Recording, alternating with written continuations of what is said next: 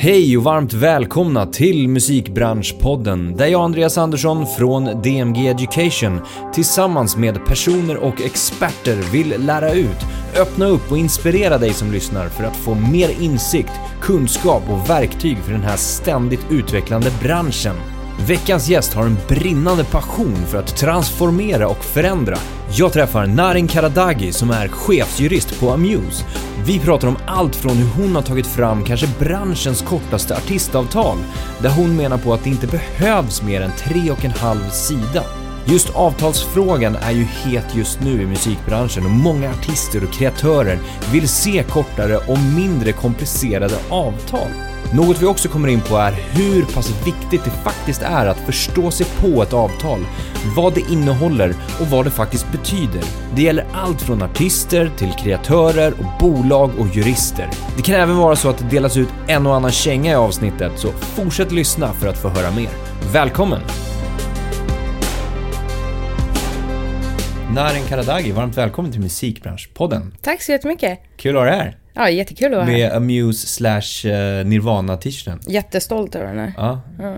Var den ny? För vi pratade om att det var er designer som hade Ja, knoppade upp en... knoppat ihop den bara Ja. för skojs skull. Ja. Ja. Lite kul. Du är um, chefsjurist på Amuse. Mm, stämmer. Eh, eller General Counsel Mm. kan man säga också. Mm. Ja, det är, vil- vilket föredrar man?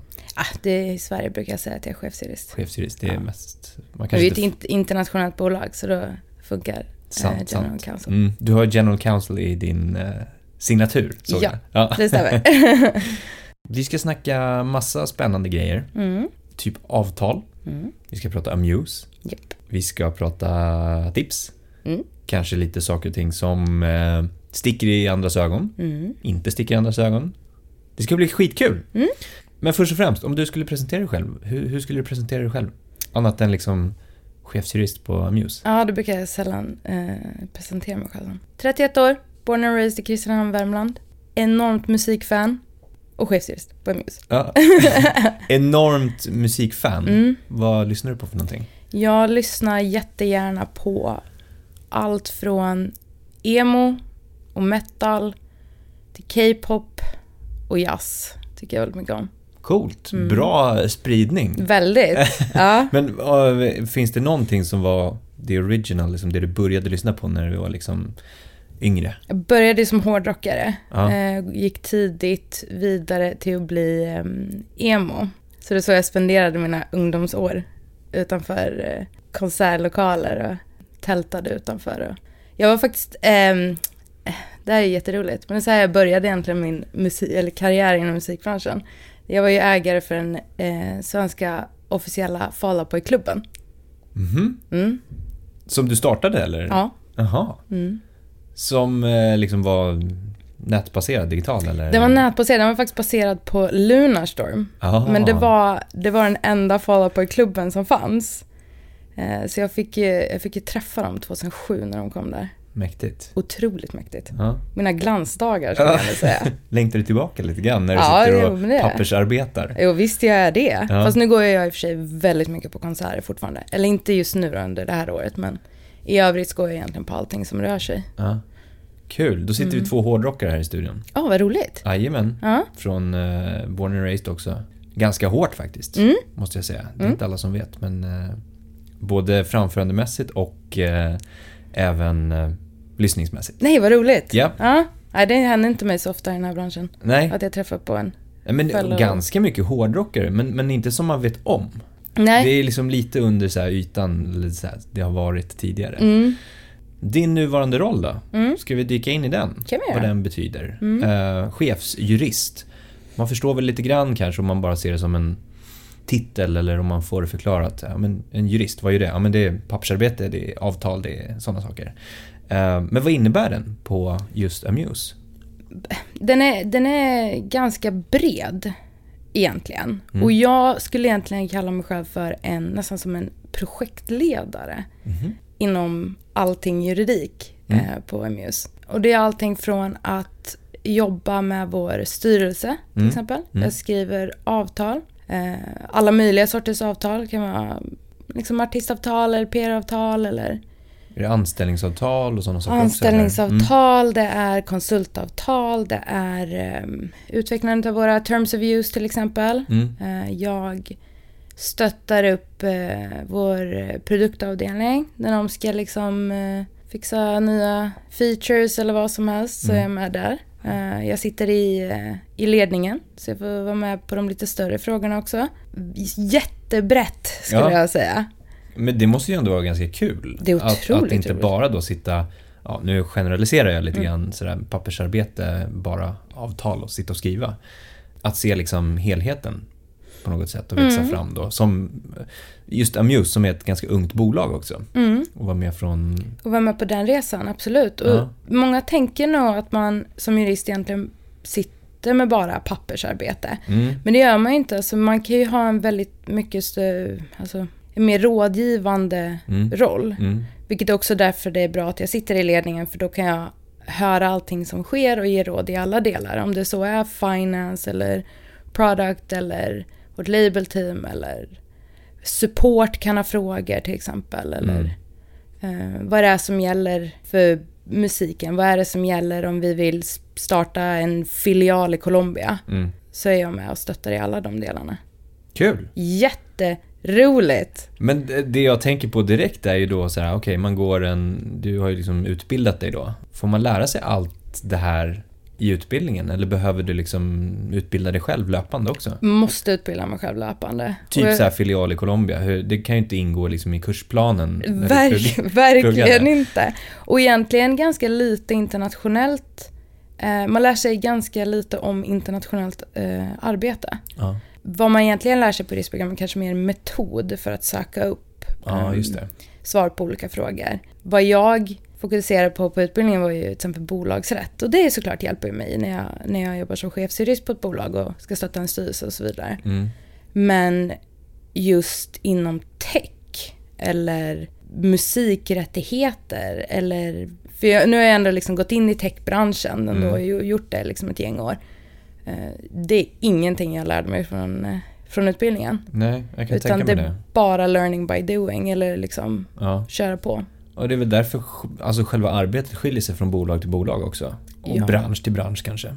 Vi kommer ju komma in mer på liksom, ja, lite mer detaljer. Eh, vi ska mm. prata avtal och sådana saker som sagt. Men eh, ja, vi pratade om det. Jag hade ju med Diego och eh, Andreas mm. som är medgrundare till Amuse mm. för ganska länge sedan i podden mm. som gäster. Vi, vi pratade om om det var två år eller om det var tre, tre år. Det kan vara tre år. Mm, eh, och då var ju bolaget någonting helt annat mm. eh, än vad det är idag. Så jag tänkte Verkligen. vi kan köra en liten recap bara. Liksom, var, var är Amuse nu? Vad, hur beskrivs det? Ja, Amuse har ju gjort en jättesnabb resa egentligen och vuxit väldigt mycket de senaste åren. Mm. Um, vi är ju inte samma bolag idag som vi var för flera år sedan. Nej. En fördel som vi har haft är ju genom att vara väldigt unga är ju att vi har kunnat anpassa oss efter hur musikbranschen förändras. Som vi har sett att den har gjort de senaste åren. Vi erbjuder ju idag egentligen tre olika tjänster. Mm. Där vi har den här gratisdistributionen. Mm. Eh, där artister kan släppa sin musik eh, till de olika plattformarna gratis. Vilket var liksom ursprungsprodukten kan man väl säga? Va? Exakt, exakt. Den andra delen nu som är lite nyare, det är ju de här premiumtjänsterna som vi eh, erbjuder, vilket är Muse Pro, där vi hjälper liksom artister och independent labels med mer data eller om de vill ha royalty splits, multi-artist, vilket är superhäftigt. Mm. Eh, att ha kunnat utveckla det utifrån, utifrån behoven hos den växande independent um, artistskaran. Mm. Eh, och den tredje biten är ju vår skivbolagsdel. Ja, precis. Eh, där vi signar utifrån, utifrån data. Mm. Mm. Har det alltid varit, jag tänker, det kanske är svårt att svara på, men, men har det funnits den planen att, att expandera till de här tre produktkategorierna, om man kallar det för det, utifrån den första? Liksom, för jag kommer ihåg när det lanserades så var det liksom skivbolag i fickan, eh, det mobila skivbolaget mm, liksom. Mm. Men det man tryckte på var ju eh, att man kunde ladda upp sak, äh, musik gratis mm. och få det distribuerat. Äh, för att sen i nästa skede öppna upp de här två inriktningarna. Ja, alltså um, i alla fall liksom premium tjänstbiten, den har ju liksom alltid varit med, även om det kanske inte var, var fokus. Vad vi såg var ju att artister gärna är independent idag. Och då blev det ju frågan, hur kan vi hjälpa dem att fortsätta vara det? Mm. Och det är väl så vi tänkte när vi lanserade Pro. Och sen lanserades ju Fast Forward. Just det. Det här är någonting som är eh, en väldigt spännande tjänst eh, som vi har. Och eh, den går ju ut på att du som artist som har musik uppe, eh, som kanske streamat ett tag, du kan få tillgång till dina framtida royalties nu. Så det är ungefär som ett förskott, men du signar inte upp det på någon skivbolagsdeal eller något sånt där, utan allt sker automatiserat i, i appen. Precis, så det räcker egentligen med att jag har använt mig av Amuse som distributionsverktyg Ja, och distribuerat mina, mina låtar Precis. Och du har dina låtar uppe och de kanske har stream, streamat ett tag. Så att vi liksom, för det är en automatiserad process som också håller på med data. Mm. Ja, vi nämnde, eller vi pratade innan om just det här artist friendly. Mm. Att det är en, en kärnvärdering eller vad man kan kalla det. Jätte. Handlar det också om dels dealarna som vi pratade om, men handlar det också om liksom närheten och relationen med en artist då till exempel? Säg att jag är artist och, och, och vi väljer att signa ehm, med Amuse och Mm. ni känner att ah, men det här är ett bra match. Ehm, har vi fortfarande en väldigt liksom, nära relation, nära dialog och nära samarbete? Absolut. Eh, och det är ju egentligen grundläggande. Det, eller det grundläggande är ju relationen till artisten. Mm, Men det är också beroende på vad, vad artistens behov är. mm, Vill artisten att vi ska vara nära och jobba nära eller vi tycker också att det är en bra idé att göra det. Så gör vi det. mm, Vissa kanske inte vill ha den handpåläggningen. Utan de behöver hjälp kanske med andra delar. ja, Eh, För oss är det väldigt viktigt med, med relationen. Mm. Vi är ju per, egentligen per definition artistvänliga. Just eftersom våra avtal är, och nu kommer vi kanske komma in på det, Mm. men att de är korta och enkla och transparenta. Och det är den, det underliggande syftet som egentligen eh, styr mm, mm. istället. Vilket är då god relation. Ja. För jag vet att jag har fått den frågan av liksom studenter eller personer som undrar i och med att man får uppfattningen om att Amuse i första hand då är en, en, en liksom distributionsapp som du kan använda dig av för att få ut musiken. Mm. Och man kanske har fått den uppfattningen då att ja, men, då är kanske skivbolagsdelen också lite distanserad. Att den är liksom appbaserad och att den blir lite mer opersonlig.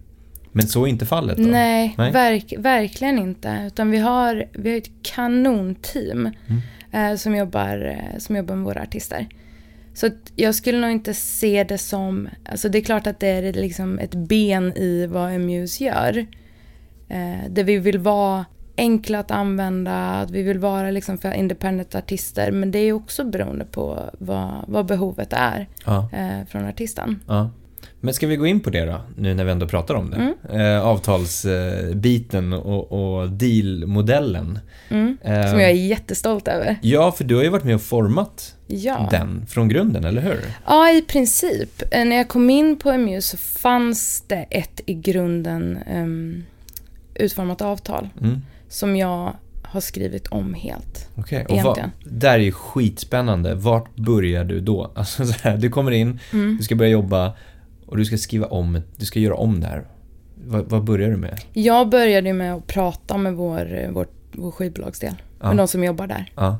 För de vet vad de... Jättesmarta människor som egentligen kan branschen, kan artister och vet vad det är de behöver eh, och vet vad det är artisten behöver. Mm. Eh, Jag, för jag upplevde det avtalet som var skrivet, det var skrivet av någon byrå, någon advokatbyrå, att de inte förstod ett, vad det är vi gör, två, vad det är vi vill göra. Mm. Eh, De har inte kollat med artister, eller de kanske har en bild av hur ett avtal ska formas.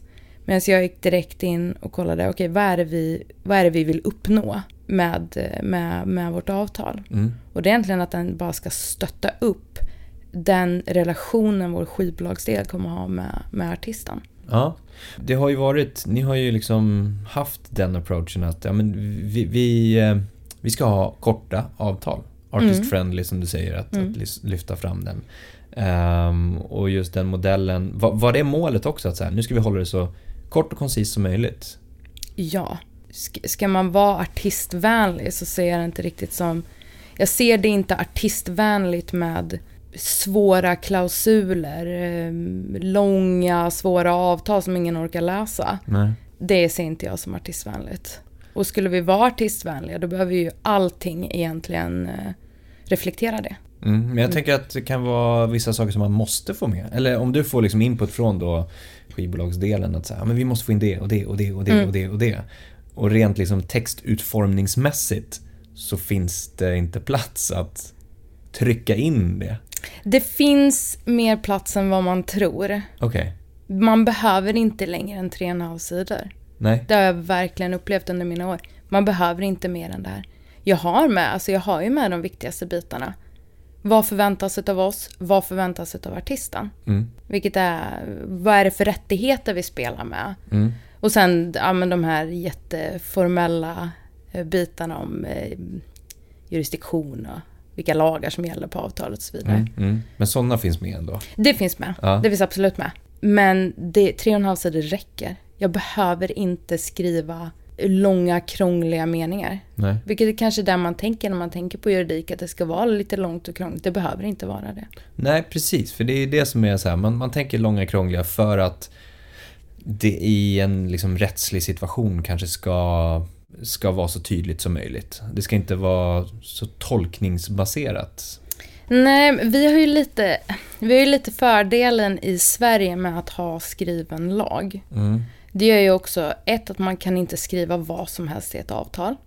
Två, står det inte med i avtalet så finns det i lag. Mm. Det är fine Mm. att, ha, att ha kortare avtal. Just för att man kan luta sig lite grann på lagen. Man kan luta sig på lagen Ja. och, och det övergripande syftet med, eh, med eh, det man vill uppnå.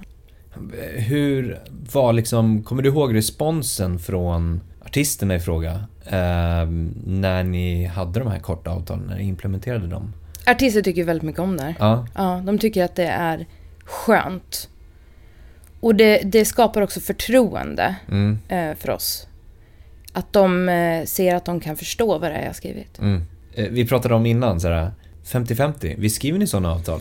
Eller visst är det liksom sådana avtal? Det, det är den frågan jag, när jag pratar med människor, så är det så här, ja men Amuse de skriver 50-50 avtal.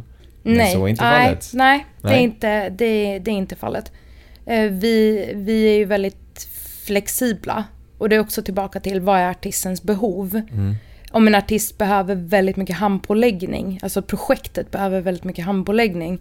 Det är kanske stora förskott eller musikvideos, eh, jättemycket marketing. Ja men då kanske man lutar åt det här hållet. Men det, det är nog... eh, Det, vi har nog inte jättemånga sådana avtal, nej. När, när ni väl upptäcker en artist till exempel som ni känner så här, ja men den här artisten vill vi signa. Mm. Eh, hur går processen till då? Det är ju vårt, eh, vårt labelteam som tar kontakt och eh, egentligen kollar läget Mm. med artisten och planerar ut eh, eventuellt vad, vad vi som skivbolag eller vi som är Muse kan, kan erbjuda artisten. Och det är först i slutet när alla är överens som jag kommer in med, med mitt korta avtal. Mm. Bara som en, som en uppbackning till, till det de har kommit överens om. Men då är inte det liksom ett standardavtal som är skrivet i sten utan det är anpassat för den här artisten. Men att det är kort. Eh, inte riktigt. Alltså det, det är klart att det, det är anpassat. Men, men jag har ju ändå försökt få fram den här standardbiten. Och det är ju egentligen, nu kanske jag inte kan gå in så jättemycket på exakt vad som står i våra avtal. Men de är, de är väldigt enkla. Mm. Så egentligen det som skiljer är kanske, ja men just det här, de bitarna jag ändrar är ju, har ju kanske med liksom det handpåläggningen på projektet att göra. Men i övrigt så är de ju utformande för att vara enkla för alla artister. Alltså de ser ju i princip eh, likadana ut oavsett. Och, och det hållet är det ju ganska självklart att ni scoutar liksom, artister och talanger utifrån det som finns på appen då till exempel. Eller liksom, Ja, i, De som i, använder i datan. just. Ja, Precis. precis. men finns det åt andra hållet också att man som artist kan, mm, vad ska man säga, möjliggöra eller öka möjligheterna för att bli signad till exempel?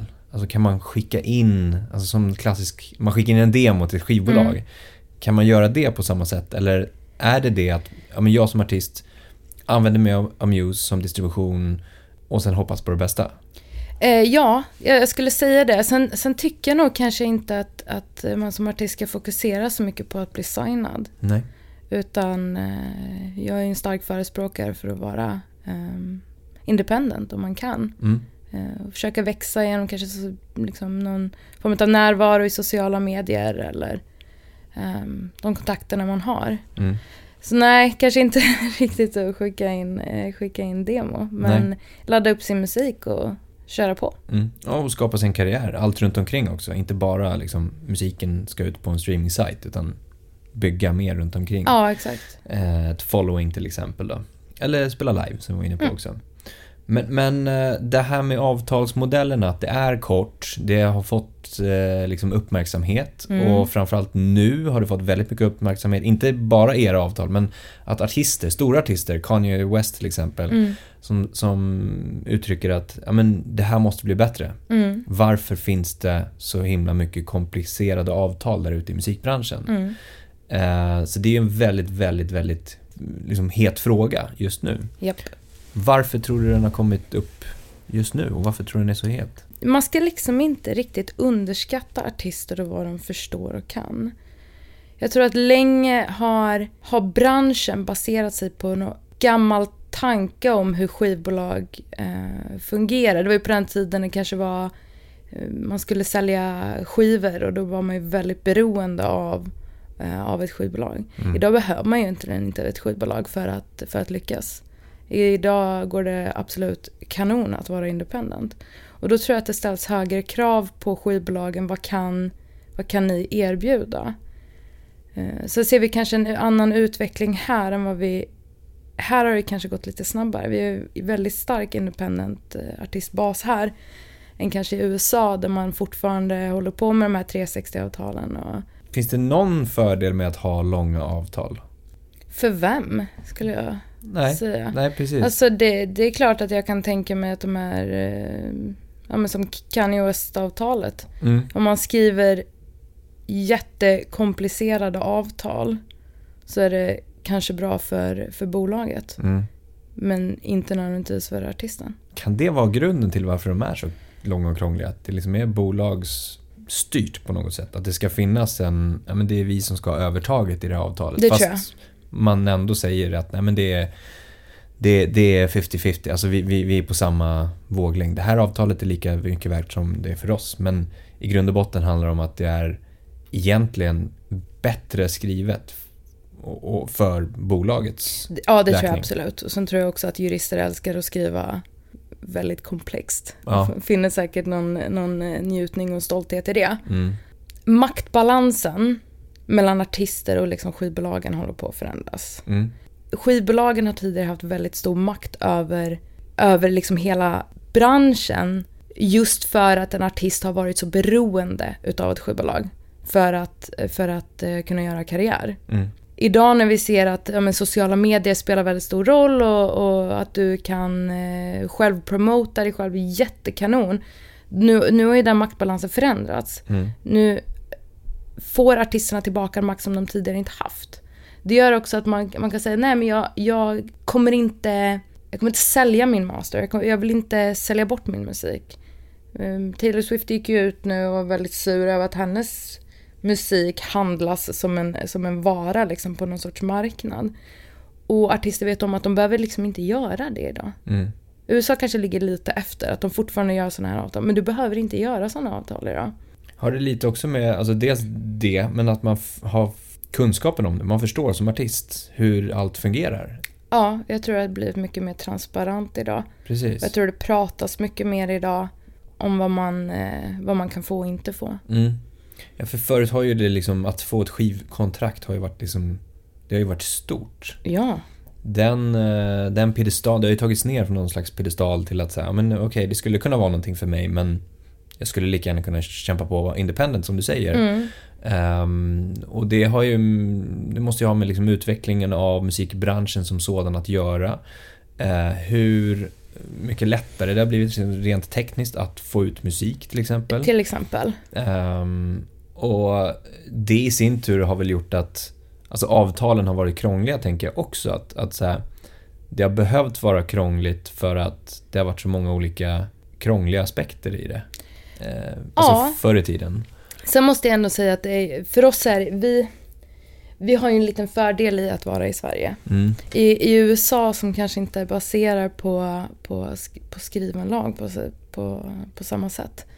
Där är det så mycket viktigare att allting kommer ner i ett avtal. Mm. De har en helt annan kultur av att eh, stämma varandra. Mm. En kultur som vi absolut inte har. Det är inte en jätteeuropeisk kultur att, att, stämma varandra. Nej.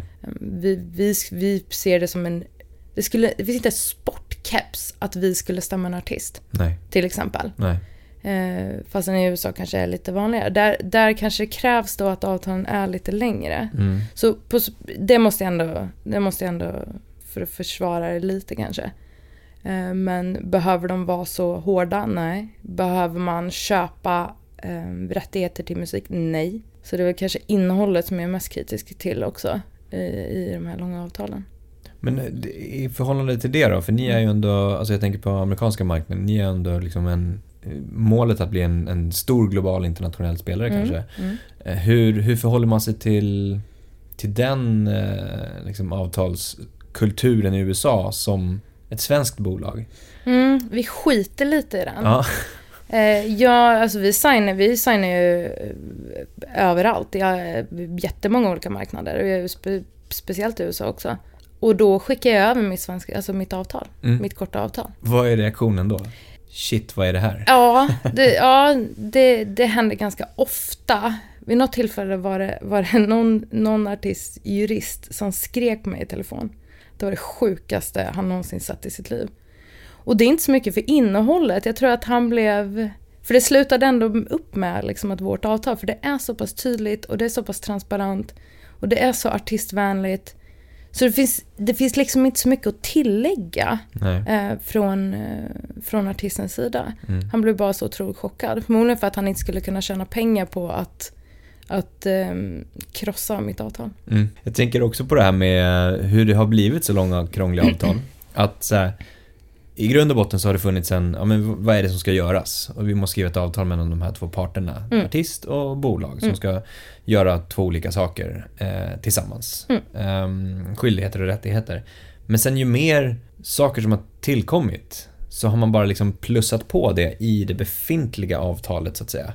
Man lägger till liksom klausuler, man lägger till, man lägger till, man lägger till. Mm, mm. Och så bara byggs det på. Mm. Utan att man egentligen går till grund och botten och tittar på så här, men vad är det vi behöver avtala om? Ja.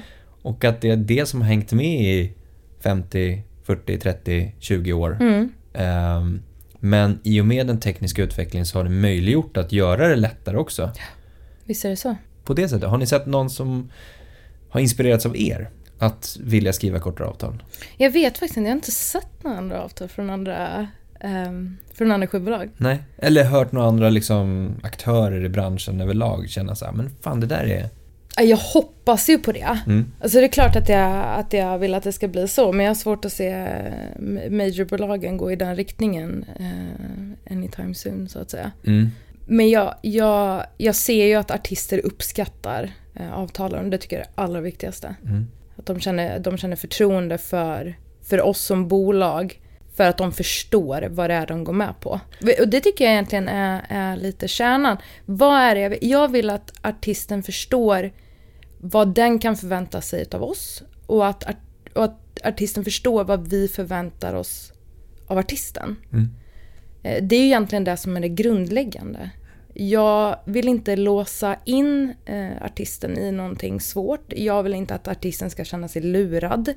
För det hjälper inte mig som bolag. Om, för relationer är väldigt viktigt. Eh, vi, vi låser inte in artisten på uh, många år heller.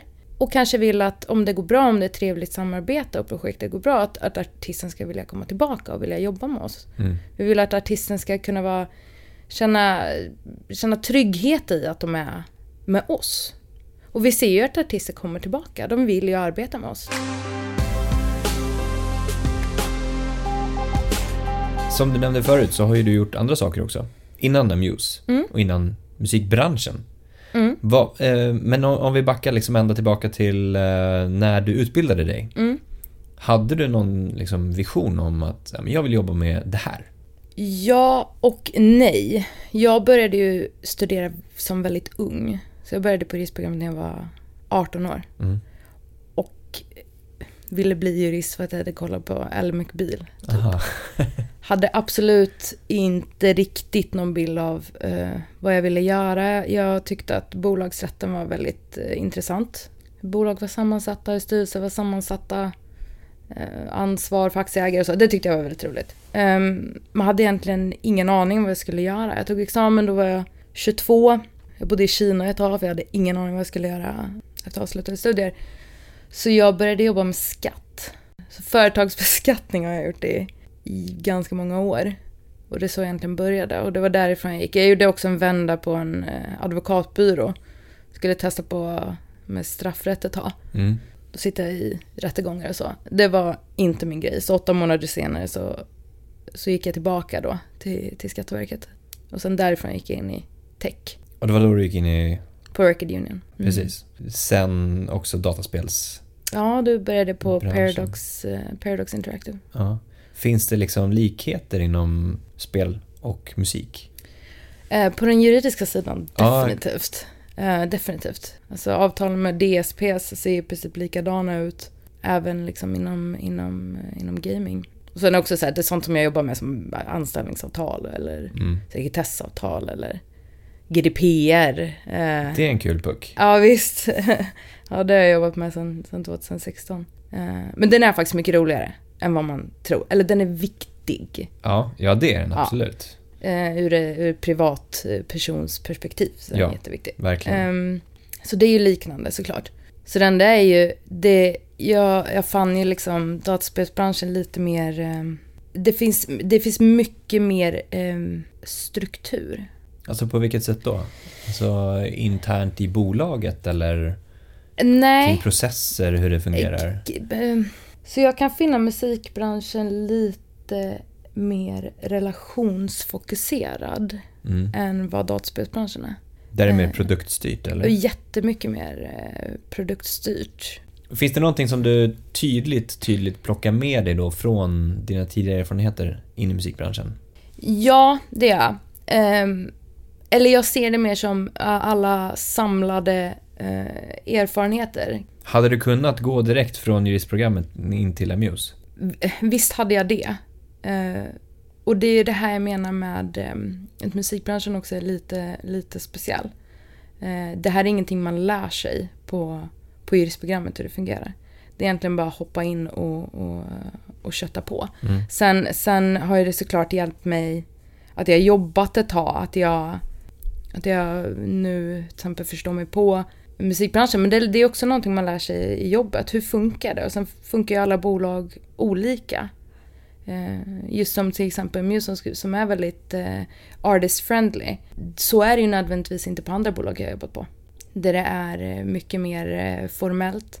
Där eh, en maktbalans ser annorlunda ut. Och man vill att den ska vara annorlunda. Där eh, avtal kanske är längre och svårare och Mm. behöver vara det. Därför att det, det är det uppdraget jag har fått av det här bolaget jag har varit på. Vad jag tog med mig in i Muse. Visst, nu hade jag jobbat med tech ganska mycket. Jag, jag kan skriva avtal. Jag vet hur jag ska skriva användarvillkor. Jag är, bra på de, jag är bra på språket och utformningen. Men just att förenkla mitt språk har varit en utmaning som jag har Mm. lärt mig liksom genom, genom en Muse. Mm. Jag är jätteduktig på att skriva komplicerat också. Det, är- det är ju där man lär sig och det, det är den- erfarenhet jag tog med mig. Men eh, min stora utmaning på en Muse, och det vet jag också när jag har tagit in eh, hjälp utifrån. Det gör jag ganska sällan med våra avtal. Därför att de vill överkomplicera språket och vet nog inte riktigt hur de inte ska göra det. Nej. De förstår inte riktigt vad vi är ute efter. Eh, Och det är ju någonting som jag specifikt har, har, har lärt mig, eller behövt lära mig på, på Amuse. Mm. Jag tänker också så här, kan du, har du med dig liksom tryggheten av erfarenheten in att, att då känna att du kan göra det? Om du backar tillbaka och nyexaminerad, Mm. Hade du samma liksom trygghet i att så här, men yeah, jag går in och transformerar musikbranschen kopplat till avtal? Nej, absolut inte. Verkligen inte. Jag skulle säga att jag inte visste någonting eh, när jag tog examen. Så det är liksom alla år, för det har också hjälpt mig att jag har jobbat med skatt till exempel väldigt länge. Det gör att jag förstår bolag och jag förstår egentligen, för det jag gjorde på Skatteverket var ju att utreda bolag inom alla så kallade inkomstslag. Alltså moms och, och beskattning. Hur startar man ett bolag? Vad är F-skatt till exempel? Det är att jag får, jag granskade årsredovisningar eller, eller eh, begärde in kvitton från, från ägare av bolag. Det, det har ju hjälpt mig i, när jag går in i ett bolag och försöker få ett helhetsgrepp om det. Mm. Jag vill förstå alla delar i bolaget. För mig är det viktigt att jag... Och det är också, det, det tar jag ju med mig kanske från, från att ha jobbat liksom med tech så länge. Jag, jag, jag behöver förstå hur kod fungerar för att kunna skriva våra användarvillkor till exempel. Jag, jag behöver förstå varje del utav varje produkt, varje feature som kommer ut. Jag behöver förstå hela kedjan från att en artist bestämmer sig för att spela in musik till att den släpper den via oss, till att vi, vi signar den, till den datorn som kommer ut utav det. Jag behöver förstå varenda bit utav ett bolag. Och det är inte någonting jag hade någonsin kunnat göra om jag kom direkt från juristprogrammet. För att jag behöver veta så mycket mer än bara... För många tror till exempel att det enda jag gör är att jobba med artistavtal. Det är den bilden folk har. Eller de säger så här, ja men du jobbar väldigt mycket med immaterialrätt till exempel. Nej, säger jag. Alltså avtalen är, en, en del utav det jag gör. Där det egentligen är så pass mycket större och gäller, ja men jag måste förstå, när artisten kommer med frågor till vår support så måste jag förstå varför de kommer med de frågorna. Den här lilla, vi har liksom apparna men vi har också webb. Hur funkar det och vad händer där? Eh, hur funkar cookies? Ska den här boxen se ut på det här sättet? Är vi tillräckligt tydliga i språket? Det är, eh, och allt sånt här har jag tagit med mig från tidigare, tidigare jobb. Mm. Och det låter som att det är där du skiljer lite grann som bolagsjurist också. Och det är därför jag också kallar mig själv för, för eh, projektledare. Ja. Eller inte liksom nödvändigtvis den här jurist. Nej. Så. Eller bilden av en jurist är annorlunda från vad man gör på, på, på, på ett bolag. Mm. Du måste verkligen förstå hela bolaget. Men det är ju därför du kan skriva kortare avtal också. För att du förstår alltihopa. Exakt. Vad som behöver framgå. Mm. Kan det ha någonting, nu spekulerar jag bara, kan det ha någonting också med det att göra att det är så långa och krångliga avtal? För att många jurister som utformare inte har koll på hela kedjorna. Säkert. Och det är också så här, det är inte alltid jättevanligt med in-house bolagsjurister heller. Precis. Och tar man in extern hjälp, och det är det, om jag återkopplar till det jag sa om, om när jag kom in på Muse, så fanns det liksom ett grundavtal. Men det passade inte. Det var inte utformat efter, efter oss. Och det ligger ju i, och det är helt naturligt, det ligger ju i att de jobbade, de jobbar ju inte i Amuse. Så de förstod, förstod inte syftet med, med, med vår verksamhet, eller vad det är vi försöker göra. Mm. Och då, då blir det ju så här. Mm. Och det är samma sak i alla de här liksom långa, långa avtalen. Eh, Sitter det bara utomstående jurister och snackar sina liksom juristspråk och skriver väldigt långa avtal och tjänar jättemycket pengar på det. Det behöver inte nödvändigtvis vara så att eh, det uppfyller syftet med ens vad de stora bolagen vill göra. Nej. För det här är på riktigt, eh, det är en riktig passionsfråga för mig. Varför är det det? Jag, jag, för jag kan lätt framstå som, som juristkritisk. Och, och bli, jag blir ju approachad mycket av advokatbyråer som, som vill hjälpa oss med avtalen eller vill komma med tips. Eh, jag hade en gång en, eh, en advokatbyrå och så, och så sa jag som absolut, men nej, jag skickar er mitt avtal och så får vi se vad ni kan göra med det. Och det kom tillbaka helt fel. Det var helt fel. De hade verkligen inte förstått. Och de hade inte ens gjort ett försök att förstå vad det är vi försöker göra. Utan bara sätta in det i deras maskineri på något sätt och, Ja, och så, få fram... så, här skriver man, så här skriver man ett avtal. Ja, exakt. Och det är därför jag också tar extra mycket stolthet i, i avtalen jag har skrivit. Jag vill att artisten förstår eh, vad det är jag skriver. Jag vill inte att de nödvändigtvis behöver gå till en jurist. Nej. För det här jag kommer med tips. Och ett av de tipsen är att inte lämpa över allt ansvar på en jurist förstå avtalet själv. För att det är inte nödvändigtvis, eller nu säger jag det ganska mycket, men det är inte nödvändigtvis så att juristen förstår vad det är du vill göra, eller förstår vad skivbolaget vill göra, eller förstår vad det är för avtal du vill gå in i, och förstår syftet, men vad är det ni försöker komma överens om? Utan du betalar dem för att de ska skriva ett avtal. Så se till att inte lämpa över hela det ansvaret på en jurist. För då riskerar du att sitta där som Kanye, han har förmodligen inte förstått de där 113 sidorna liten, liten text. Han har inte förstått, han har inte kunnat förstå heller. Och lämpat över hela ansvaret på jurister och, och göra det åt honom. Mm. Och sen känner han sig lurad flera år senare och jättesynd. Är det, lämpar man över då någon slags ansvar också att säga, men du som jurist uh, ska förklara det här för mig, hur det här avtalet är utformat? Absolut, och jag tycker att man ska göra det extremt tydligt för sig själv. Jag tror att många är lite rädda för juridiken och tänker så här, nej men det där är ingenting jag går in på. Eller mm. avtal, det är så många som säger så här, men jag läser aldrig det jag, det jag liksom skrivit under. Eller tittar direkt på ett papper och får lite panik av de stora orden. Mm. Och det är ju jätte, jättesynd.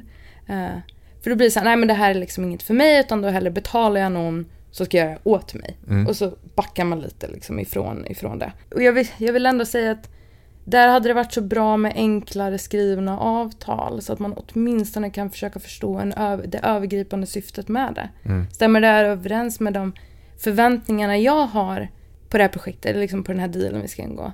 Och det är därför, det är därför jag känner mig väldigt stolt över de, eh, de avtalen jag har utformat. Därför att de är gjorda för att en artist ska förstå vad det är den går in på. Mm.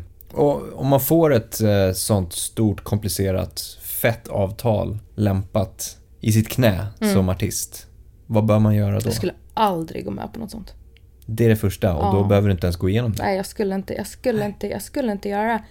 Speciellt inte här i Sverige. För då skulle jag börja undra vad det är de försöker göra. Mm. Vad är det de inte vill att jag ska förstå? Det behöver inte vara så många sidor. Men kan man gå tillbaka? Kan man, alltså, ett avtal går ju alltid att förhandla. Mm. Skulle du tipsa om att man, man går tillbaka till bolaget och säger så här, det här, jag förstår inte det här. Jag, jag tror att vi skulle kunna ha ett samarbete men det här förstår inte jag. Jag vill antingen att vi skriver det förenklat eller att jag vill inte signa mer. Kan vi göra någonting annat? Alltså, jag skulle göra det.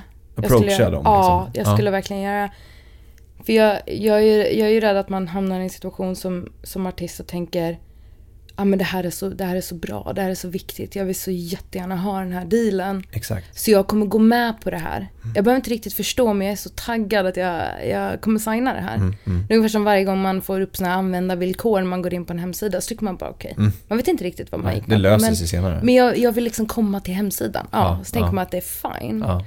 Så tänker man inte riktigt på vad det är, um, vad det är, man, har, vad, vad det är man har signat. Nej.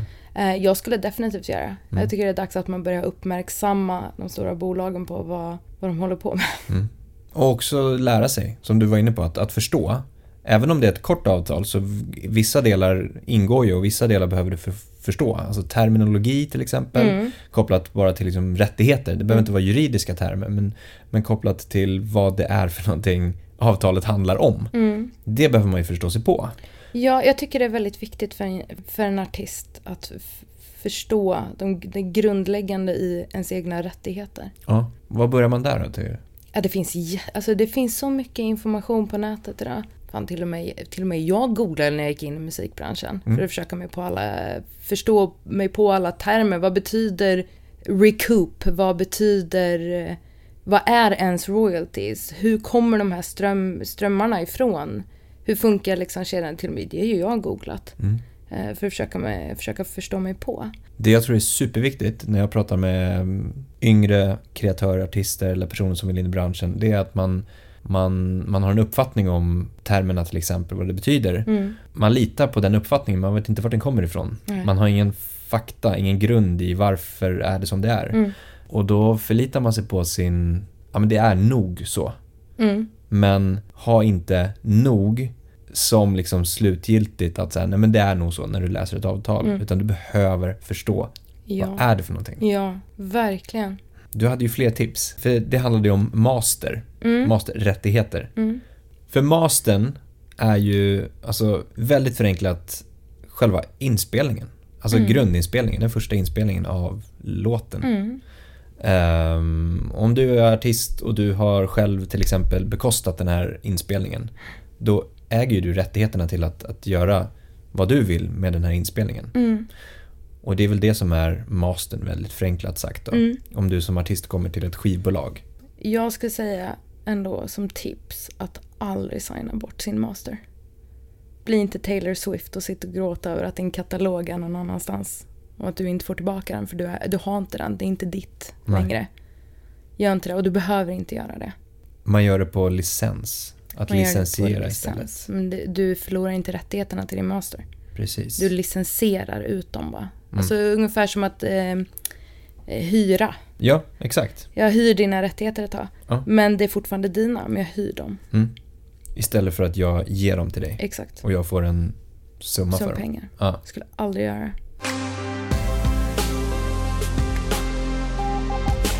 I år, 2020, Mm. så blev ju du nominerad till eh, Årets Rising Star Ja, i Årets bolagsjurist. stämmer. Eller hur? Ja, Vad, vad, vad är det för någonting? Är det, något, det är ett pris då som, som delas ut av vilka då? av eh, en organisation som heter Sveriges bolagsjurister. Ja. Eh, så de tillsammans med eh, Vinge har det här priset. Så de hade en liten cool jury som eh, valde ut mig som finalist i årets Rising Star.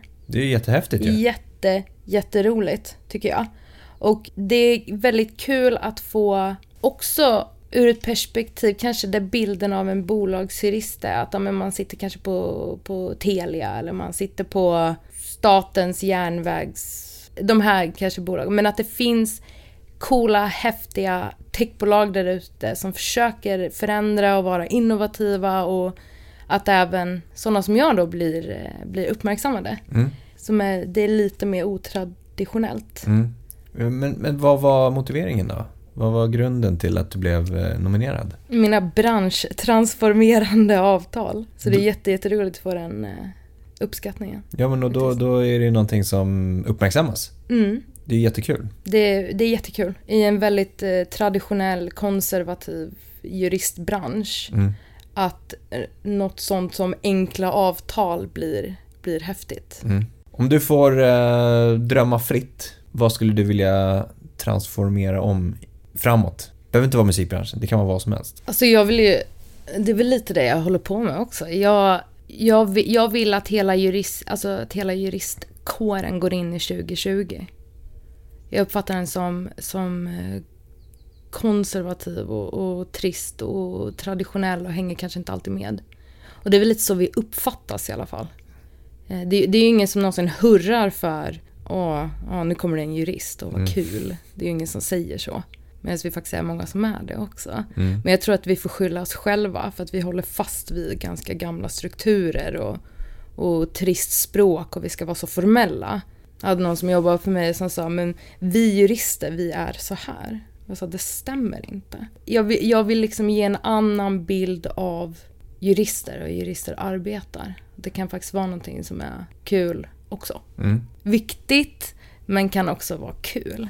Jag jobbar väldigt mycket att bli ehm, mer approachable som jurist. Mm. Jag tycker det är viktigt att, att jag tycker det är väldigt viktigt att vara det. Mm. Också inte bara utåt. Alltså att artister ska känna förtroende för mig och att jag inte försöker lura någon med något traditionell eh, juridiska.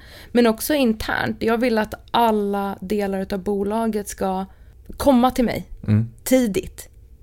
Att jag inte är en showstopper till exempel, utan jag springer med. Jag, jag löser problem eller jag eh, kommer med bra tankar. Kan man göra så här istället? Jätteviktigt. Mm. Alltså jag tror verkligen det. I en sån kreativ bransch som musikbranschen ändå är. Mm. Att man behöver ta bort den juridiskan lite grann. Ja. Eh, Men också som du säger, att vara en medspelare och springa med. Ja, men det är också så här, vå- våga lite också på... För folk, men som jag sa till dig förut, att folk tror att jag jobbar med immaterialrätt. Mm. Vi hade en, liksom en ny kille på label som eh, sa så här, men du kan ju allting om, om copyright. Jag menar, ett content operations kan allting om copyright, om jag ska vara helt ärlig. Mm. Dina kollegor på label kan allting om, om copyright. Och det är också så här, det här reflekteras väldigt mycket i branschen. Jag brukar kalla musikbranschen för ett juridiskt svart hål. Mm. Det har varit så mycket high fives och över öl i så många Mm, år mm. att man har liksom tappat att ta fram någon form av liksom branschpraxis Mm. som fungerar eller som, som utvecklas tillsammans, som det kanske gör i dataspelsbranschen. Avtalen utformas mellan, bo, alltså mellan bolagen och det finns liksom någon form av standardpraxis. Och det finns det liksom inte i musikbranschen för att allting handlar om relationer. Mm. Det är så många gånger man kommer man bara, vi har ingen jurist, vi skriver våra avtal själva Mm. till exempel. Eh, eller, eh, ja det är inte så noga. Eller, ja, men vi, vi har kommit överens och vi kände, och jag känner honom. Mm. Just för att relationer är så viktiga. Så jag känner honom. Om vi tar till exempel nu med Instagram, TikTok, Facebook, Twitch. Det är rättigheter som inte ens är knutna till mastern. Det är helt andra rättigheter. Mm. Men musikbranschen vet inte riktigt vad man ska göra med de här. Alltså distributörerna vet inte riktigt vad man ska göra med de här. Så man har bara kört in i användarvillkoren att vi får göra det här. Mm. Artisterna vill ha det. Vi vill låta artisterna göra det. Men rättigheterna är för komplexa för att få. Mm. Och så hela musikbranschen vilar på någon alltså väldigt oklar juridisk grund. Mm. Eh, Det är väldigt, väldigt få människor som förstår egentligen Mm. hur det fungerar eller liksom. Det är en av anledningarna varför vi gör det vi gör också. Vi vill ju Mm. förenkla. Vår, vår grundvisionen är ju att höja nivån, alltså kunskap och kompetensnivån. Överlag. För att den är så pass låg. Det är, det, det är just den här high five, sociala kontakterna som har skapat musikbranschen. Ja. Men det behövs så pass mycket mer professionalitet i den. För att den är komplicerad. Ja, Och att Och- man då behöver en högre liksom, grundnivå än att bara säga men du är en skön social typ, du kan prata för dig. Eh, du började i postrummet och har jobbat dig uppåt Mm, liksom, så här, mm. och nu är du VD. Alltså vi behöver en högre nivå för att dels attrahera högre nivå av talanger internt till bolagen kanske. Mm. Men också attrahera eh, artister i fråga också till bolagen om man pratar i den bemärkelsen. till att, exempel. Att säga, men okej, de här har verkligen stenkoll på vad de gör för någonting. Men det är också, om du inte förstår kan du inte förklara på ett bra sätt. Nej, Då har du precis. förmodligen lärt dig ett sätt att förklara någonting på. Mm. Men om du förstår det kan du förklara det på ett sätt som inger förtroende. Mm. Jag tycker det är jätteviktigt för att lite vad som händer i bolagen då om de som arbetar i det inte riktigt förstår det är fortfarande den här att också att bolagen lämpar över makten på jurister. Mm. Och skriva någonting. Mm. Jurister som kanske inte, som jag menade när, när de är externa, att de kanske inte riktigt förstår sig, förstår sig på. Så det blir liksom lite, det, det är den här maktbalansen också. Mm. De står på bolagets sida för bolaget hyr in, liksom köper in tjänster från de här juristerna. Som skriver de här svåra avtalen. Ingen fattar avtalet. Ingen vill läsa de här avtalen. Utan det bara skickas över liksom till artisterna. Mm. Och allting är frid och fröjd tills det inte är det längre. Som för Kanye. Han har ju ändå liksom suttit fast i det här avtalet ett tag. Och nu blir han så här, "Nej, men det här kan, det här kan inte stämma. Mm. Någonting stämmer inte. Och liksom att det tar så pass lång tid. Jag menar, det var ju hur mycket jurister som helst inblandade i det här. Det var inte som att han inte hade några heller. Men han förstod inte sig på. Nu sitter han där och känner sig lurad. Och hur kul är det för majorbolagen som har signat honom? Att, att en av världens största artister går ut på Twitter och skriver vilka as de är. Det, det är onödigt. Mm. Det hade man kunnat eh, slippa. Det inte värt det. Nej. Eller det ska inte vara värt det för, för något bolag. Mm. På riktigt, alla bara åh Sony, Universal, alltså, de är så jävla sämst. Jo men Kanye hade ju typ fem jurister på, på sitt team. Mm. De ingick ju ändå det här skitavtalet. Ja. Men i grund och botten, bolaget förstår, kan inte läsa. Alltså jag förstod inte det här avtalet. Nej, jag kan tänka mig. Det var Alltså, 113 är helt sidor. Vansinniga grejer. Hängde inte med vad det här var för avtal. Jag förstod inte. Och då har jag jobbat ganska länge med det här och skrivit liksom avtal och läser avtal också. Amerikanska avtal. Så här. Jag förstod inte det här avtalet. Nej. Vad sätter man sig själv i för position? Om man som artist inte förstår, garanterat ingen på de här bolagen förstår heller. Utan det är liksom egentligen någonting som sker jurister emellan. Och sen så bara appliceras det här under tid. Alltså när avtalstiden fortlöper så, så är det bara så. Mm. Tills, som du säger, när någon uppmärksammar någonting att säga vänta här nu, det här kan inte stämma. Nej. Och så går man tillbaka till avtalet och säger jo, det verkar vara skrivet på det sättet. Ja, och det är ju väldigt synd att det blir så. Det är ju väldigt synd att Taylor Swift nu är jättesur över att hennes, hon inte har sin katalog. Mm. Men det här skedde ju ganska länge sedan. Mm. Förmodligen har hon inte riktigt förstått vad det här innebär. Eller att hon nu kommer på att det hade inte behövt vara så här. Mm. Jag hade inte behövt gå med på det här. Men jag var eh, till exempel ung eller jag var tidig i karriären. Jag trodde att jag behövde göra det här för att överhuvudtaget få en deal eller få en karriär. Eh, Men det, det gör man inte och det är så synd att man hamnar, alltså som artist hamnar i sådana här situationer. Mm, verkligen. Och då är det ju så här, men det, det blir lite moment 22 att, att artisten i fråga bör ha koll och kunskap och ta Mm. hjälp av liksom, vad är det jag signar för någonting. Men samtidigt att bolaget också behöver ha koll på den biten också. Så Ja. Vad är det vi gör för någonting och, och vad innebär det här? Att de har ett ansvar i det också. Så det, för att man som artist känner säkert att ja, men, bolaget har ju koll. De är ju inte här för att blåsa mig utan Mm. vi ska ju tjäna pengar tillsammans på min musik Mm. i princip. Så det kan ju inte vara några konstigheter utan ja men vi kör. Vilket är livsfarligt. Det är klart det är det. Huh. Men det är också um, på Muse till exempel. Eh, vårt labelteam kan det här avtalet utan och innan. Mm. Jag känner 100% förtroende för att låta eh, labelteamet förhandla dealar till exempel. Därför att de kan det här, de förstår sig på det här, de vet vad det är som erbjuds eh, eh, artisten. Och, det, och jag tycker att det är skönt. Jag vill plocka bort den makten från jurister. Bara det här, det, det, det är ingenting som en jurist gör som läggs åt sidan. Det är liksom ett avtal som signas, så läggs det i en pärm någonstans och glöms bort. Mm. Det är vilket också, nu signar ju inte vi grejer på papper för det är fortfarande 2020. Man kan ju alltid med signering. Men det är ingenting som ska läggas någonstans, arkiveras och liksom glömma bort. Som att det är någonting som är så skilt från det man håller på med. Mm. Alltså på ett sätt ska det ju vara det. Det är ju ett stöddokument. Men alla parter måste förstå. Vad förväntas av dig? Vad förväntas av mig? För har man liksom gjort klart det, och det gäller egentligen i alla grejer. Eh, har man gjort klart, det är ungefär som när man startar bolag och pratar om att ja, men vi, ja, men vi, vi, har ju, vi har ju kommit överens om du och jag, vi känner ju varandra. Vi har känt varandra ganska länge. Vi vet ju vad vi vill göra med det här bolaget. Jo, men tio år ner när du vill gå den här vägen och jag vill gå den här vägen. Då är det ganska skönt om vi bara från början hade löst de här puckarna. Vad förväntas det av dig? Vad förväntas det av mig? Vad kan vi göra i den här situationen? Om vi bara hade löst det till en början så hade det blivit mycket mindre bråk. Då hade inte Kanye gått ut på Twitter. Och Amuse då? Vad, vad, vad händer framåt med Amuse? Vad händer framåt med Music?